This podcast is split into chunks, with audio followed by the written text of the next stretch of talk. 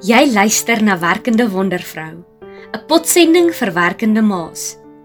Werkende Wondervrou, die perfekte kombinasie van geloof, ma wees, 'n suksesvolle loopbaan en 'n doelgerigte lewe. Aangebied deur besigheidsvrou en ma van 2, Rona Erasmus. 15 minute elke Vrydag om 1uur.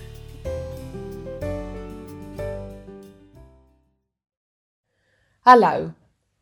Ek is Rona Erasmus. 'n Werkende ma net soos jy. Ek glo dat ons as vrouens geskape is om 'n lewe in oorvloed te leef. Jou drome is belangrik. En dit wat jy doen, alles behalwe irrelevant. Welkom by my potsending. Die werkende wondervrou. So rukkie gelede is ek en 'n vriendin op pad na 'n funksie toe en so in die kar het ons sommer begin gesels oor die verwagtinge wat daar van ons as mammas, as vrouens, as vriendinne, as dogters, sissies ensovoorts is. Meer nog as die verwagtinge wat daar oor ons is, gesels ons eintlik oor mense oor die algemeen wat ons dalk te nagekom het of wat ons teleurstel. Ehm um, situasies wat ons seer gemaak het en soos ons gesels, besef ek dat alhoewel ons dink die probleem meestal by ander mense lê, die probleem of die oplossing vir hierdie issuetjies wat ons het eintlik net by ons lê. sien ons het sekere verwagtinge van ander mense. Maar wanneer ons daai verwagtinge wat ons van ander het, nie aan hulle kommunikeer nie, is dit eintlik bitter onregverdig. En baie kere lei dit na soveel seer kry. Want ek verwag iets van iemand sonder dat hulle dit weet en sonder dat hulle dit bedoel het, maak hulle my dalk seer omdat hulle nie aan hierdie verwagtinge wat ek van hulle het voldoen nie. Die kuns is nou om te weet wanneer om hierdie verwagtinge aan iemand te kommunikeer, wanneer jy weet dat dit vir hulle ook net so belangrik soos jy is, soos byvoorbeeld in jou huwelik of met 'n nabye vriendin. Maar ongelukkig moet ons ook soms in ons lewens besef dat ons ons verwagtinge moet aanpas van ander mense. Wanneer ons minder van iemand verwag, kan hulle ons minder seermaak. Wanneer ons minder van iemand verwag, sal hulle ons minder teleurstel ook. En soms in sekere verhoudings is dit nodig om ons eie verwagtinge 'n bietjie aan te pas. En terwyl ons nou so oor die verwagtinge wat ons van ander mense het gesels, bring dit my ook by die verwagtinge wat ons van onsself koester. Sien ons as werkende mammas wat besig is en vol skedules het, is so dikwels ongelooflik hard op onsself. Die verwagtinge wat ons dan ook van onsself het, is meer kere as nie baie onrealisties. Dinge wat ons nooit sal kan bereikkom nie. So ons gaan nooit in ons eie oë werklik genoeg kan wees nie en altyd tekort skiet. Nou ek en jy as werkende mammas weet dat tyd ons grootste kommoditeit is. En dat ons werklik die tyd het om nog aandag te kan gee aan twyfel en skuldgevoelens, onnodige frustrasies, angs, depressie ensovoorts nie. En daarom is dit nodig dat ek en jy op hier gaan stil raak en gaan dink aan watse verwagtinge ons op onsself sit. Wat verwag jy van jouself? Wat is die tipe mamma wat jy graag wil wees? Die tipe vrou, die tipe werkende vrou? En om dalk bietjie daaraan aandag te gee. Want sien, dit is ongelukkig ook so dat sommige mense aan mekaar gesit is om baie meer goed op een slag te kan hanteer en te kan doen en ander nie. Dit maak nie die een beter as die ander een nie. Ek dink net wanneer ons besef wie ons werklik is, wat ons doel is, waarvoor Jesus ons gemaak het, dat ons sal ophou om onsself so te veroordeel. En soms is dit ook waar dat ander ons veroordeel. Ek dink dit is ook belangrik dan om te weet wanneer dit dalk net vir jou voel of iemand anders jou oordeel. En wanneer dit wel so is, moet ek en jy die besluit maak van hoe ons dit gaan hanteer. Maar as ek en jy nie goed voel oor onsself nie. Wanneer ons op 'n spasie is waar ons in onsself twyfel, waar ons besef dat ons nie eens aan ons eie verwagtinge kan voldoen nie, sal ons ook baie meer sensitief wees oor dit wat ander mense vir ons gesê. Somstyds kry ons ongevraagde advies. Soos wanneer mense vir jou wil vertel hoe om jou kindertjies groot te maak sonder dat jy enigsins vir hulle gevra het. Ongevraagde advies is nie iets waarvan ons ooit in ons lewens sal van wegkom nie. En dis juis hieroor dat dit belangrik is om te weet hoe om dit te hanteer. Dis nie nodig om hierdie persoon te stry of te kritiseer nie, het sy of jy saamstem of nie. Want hierdie tipe advies kom meestal uit 'n goeie plek. Luister, sê dankie en beweeg aan. As iets vir jou sin maak en vir jou opvaardig is, implementeer dit dan. Anders soos water van die een se rug. Ongevraagde advies is presies wat die woord voorstel. Ongevraagd. Maar wanneer ons in ons lewens, in ons werksplek of in ons alledaagse lewens, in ons verhoudings met ons mans en ons vriendinne en ons kinders terugvoer kry, is dit iets heeltemal anders. Wat vooruitgang in alle opsigte van ons lewens bevorder, is terugvoer. Ons het elkeen sinvolle terugvoer nodig. Want sonder terugvoer sal ons nooit kan verbeter nie. En sonder terugvoer gaan ons waarskynlik ook nie eens weet wat ons anders doen, wat ons fout gedoen het of hoe ons mense laat voel het nie. Maar hoe ek en jy terugvoer gaan hanteer, veral in die werksplek, is bitter belangrik. As jy dit goed hanteer, sal jy nog meer input en terugvoer kry wat jou sal help om nog meer te verbeter. Die terugvoer sal ook mettertyd meer eerlik en meer bruikbaar raak. Jy sal gaandeweg nie meer hoef te vra as mense gemaklik is om hulle terugvoer met jou te deel nie. Maar ek wil vandag bietjie saam met jou kyk na 'n paar voorbeelde van hoe ons terugvoer 'n positiewe ervaring nie net vir onsself nie, maar ook die, vir die persoon wat die terugvoer vir ons gee, sal kan maak. Sê dankie. Luister om te verstaan en nie net om te reageer nie. En vra dan vir duidelikheid en voorbeelde. Die tweede ding, doen iets met die terugvoer en die inligting wat aan jou gegee is. Onthou ook, nie alle advies is goeie advies nie. So praat met jou binnekring. Praat met jou man, iemand wat na aan jou is. Kry sy of hulle terugvoer. En indien hulle saamstem, neem dan aksie. Maak veranderinge waar dit nodig is.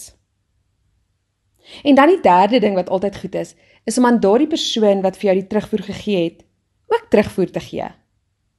Sê vir hulle hoe jy hulle raad of terugvoer geïmplementeer het as dit sinvol en bevorderlik was. Veral as dit iemand is wat in 'n hoër posisie as jy by die werk is. Daar's vier dinge wat ons beslis nie moet doen wanneer ons terugvoer kry nie. Ons moenie argumenteer nie. Ons moenie emosioneel raak nie. Ons moet dit nie persoonlik vat nie En ons moet dit ook nie teen daardie persoon hou nie. Onthou dat terugvoer soms baie sinvol kan wees en ander kere dalk nie. Neem eerder 'n oomblik. Gaan stap 'n entjie en kom dan terug as jy voel dat emosies jou wil oorweldig. Want ek en jy as vrouens is mos nou maar van emosies aan mekaar gesit. Daar's soveel voordele aan terugvoer. Dit leer jou om 'n goeie luisteraar te wees. Dit wys dat jy werklik omgee en ernstig is oor groei en verbetering. Dit wys ook dat jy jouself kan bestuur en moeilike boodskappe goed kan hanteer. En dit leer jou ook om resilient te wees, om aan te hou en nie net te hoop te gooi wanneer jy 'n bietjie weerstand kry nie. Ons is almal gemaak om saam met ander mense te leef. En of ons dit nou wil erken of nie, hoe nader ons aan ander leef en werk, hoe meer sal hulle ook ons tekortkoming kan raak sien. Somstyds skiet ons dalk nie self van weet nie. En dan is dit belangrik om mense te hê wat jy kan vertrou. Om mense te hê wat jy kan help om hierdie boodskappe wat jy gekry het, hierdie terugvoer werklik te kan toepas om 'n beter mens te kan raak. Beter werk te kan lewer beter met jou kinders-verhouding te kan bou en net oor die algemeen 'n meer gematigde en beter mens te kan raak. In my lewe het ek al ondervind dat die kere wat hierdie terugvoer my die hardste slaan is wanneer dit dinge is wat ek eintlik iewers in my onbewussyn weet ek nie 100% reg doen of reg hanteer nie. Dit is ook vir my moeiliker om terugvoer op 'n positiewe manier te aanvaar en te ervaar en te kan internaliseer wanneer ek nie op 'n lekker plek is nie. Dis gewoonlik wanneer mens emosioneel raak, kwaad raak, gefrustreerd raak. Vat 'n stapie terug. Gaan dink bietjie vandag oor hoe jy oor jouself dink. Hoe jy oor jouself voel. Wat is die dinge in jou lewe waarmee jy moet klaarmaak? Wat is die verwagtinge wat jy van jouself het wat werklik net nie sinvol is nie? Hou op om jouself te vergelyk met dit wat jy op sosiale media sien. Dit wat die tuisbly mamma doen, wat jy nie noodwendig by kan uitkom nie. Hou op om jouself te vergelyk met 'n verwronge beeld van wat 'n vrou werklik moet wees. Gaan terug na dit wat vir jou belangrik is. Gaan kyk bietjie wat is jou why in die lewe? Hoekom doen jy wat jy doen? Waarvan is jou hart propvol? Maak 'n lysie. Skryf neer wat die verwagtinge is wat jy in jou hart koester van jouself. Maak seker dat daai verwagtinge sinvolle verwagtinge is en rig dan jou lewe dienooreenkomstig in.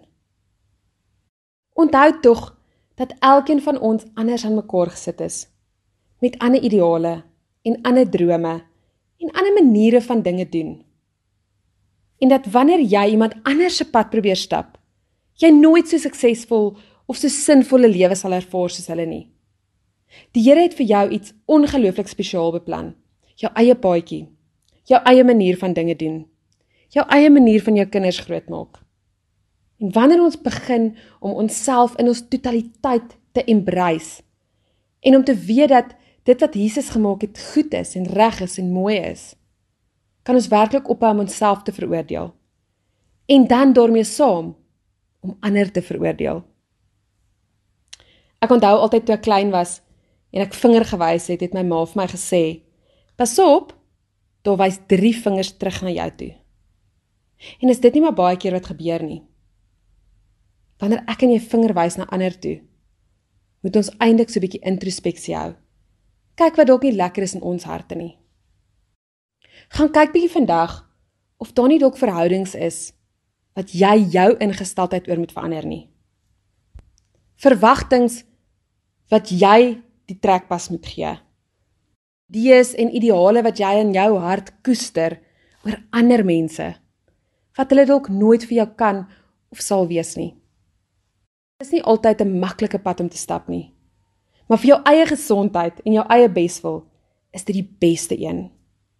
En waar daar dalk verwagtinge is wat iemand baie na aan jou nie aanvoldoen nie, gesels daaroor. Kommunikasie is sleutel wanneer ons met ons lewensmaats en met mense regtig na aan ons 'n goeie verhouding wil bou. As daar spesifieke verwagtinge is wat jy van jouself koester, ook in jou werksplek, kommunikeer dit aan die bestuurder of die persoon waarvoor jy werk. Hulle weet dalk nie eers wat se ideale jy koester nie. Wanneer die persone vir wie ons werk weet wat ons eie drome en ideale is, kan hulle ons ook moontlik help om daarbey uit te kom. En net soos wat die Engelse graag sê dat aannames die begin is van groot moeilikheid, glo ek dat verwagtinge wat ons van ander en van onsself het, ook die begin kan wees van 'n onvervulde lewe, onvervulde verhoudings en 'n onvervulde loopbaan.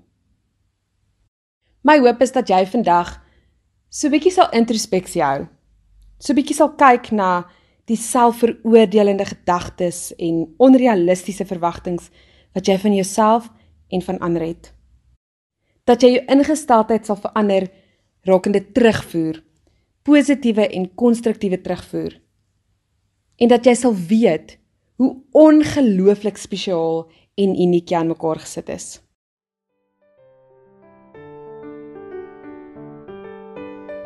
Dankie dat jy geluister het na Werkende Wondervrou. 'n Potsending vir werkende ma's. Jy kan volgende week weer saam luister na Rona Erasmus. Vrydag om 1uur. Om e-poskennisgewings van die werkende wondervrou potsending te ontvang, klik op voelgoed.co.za.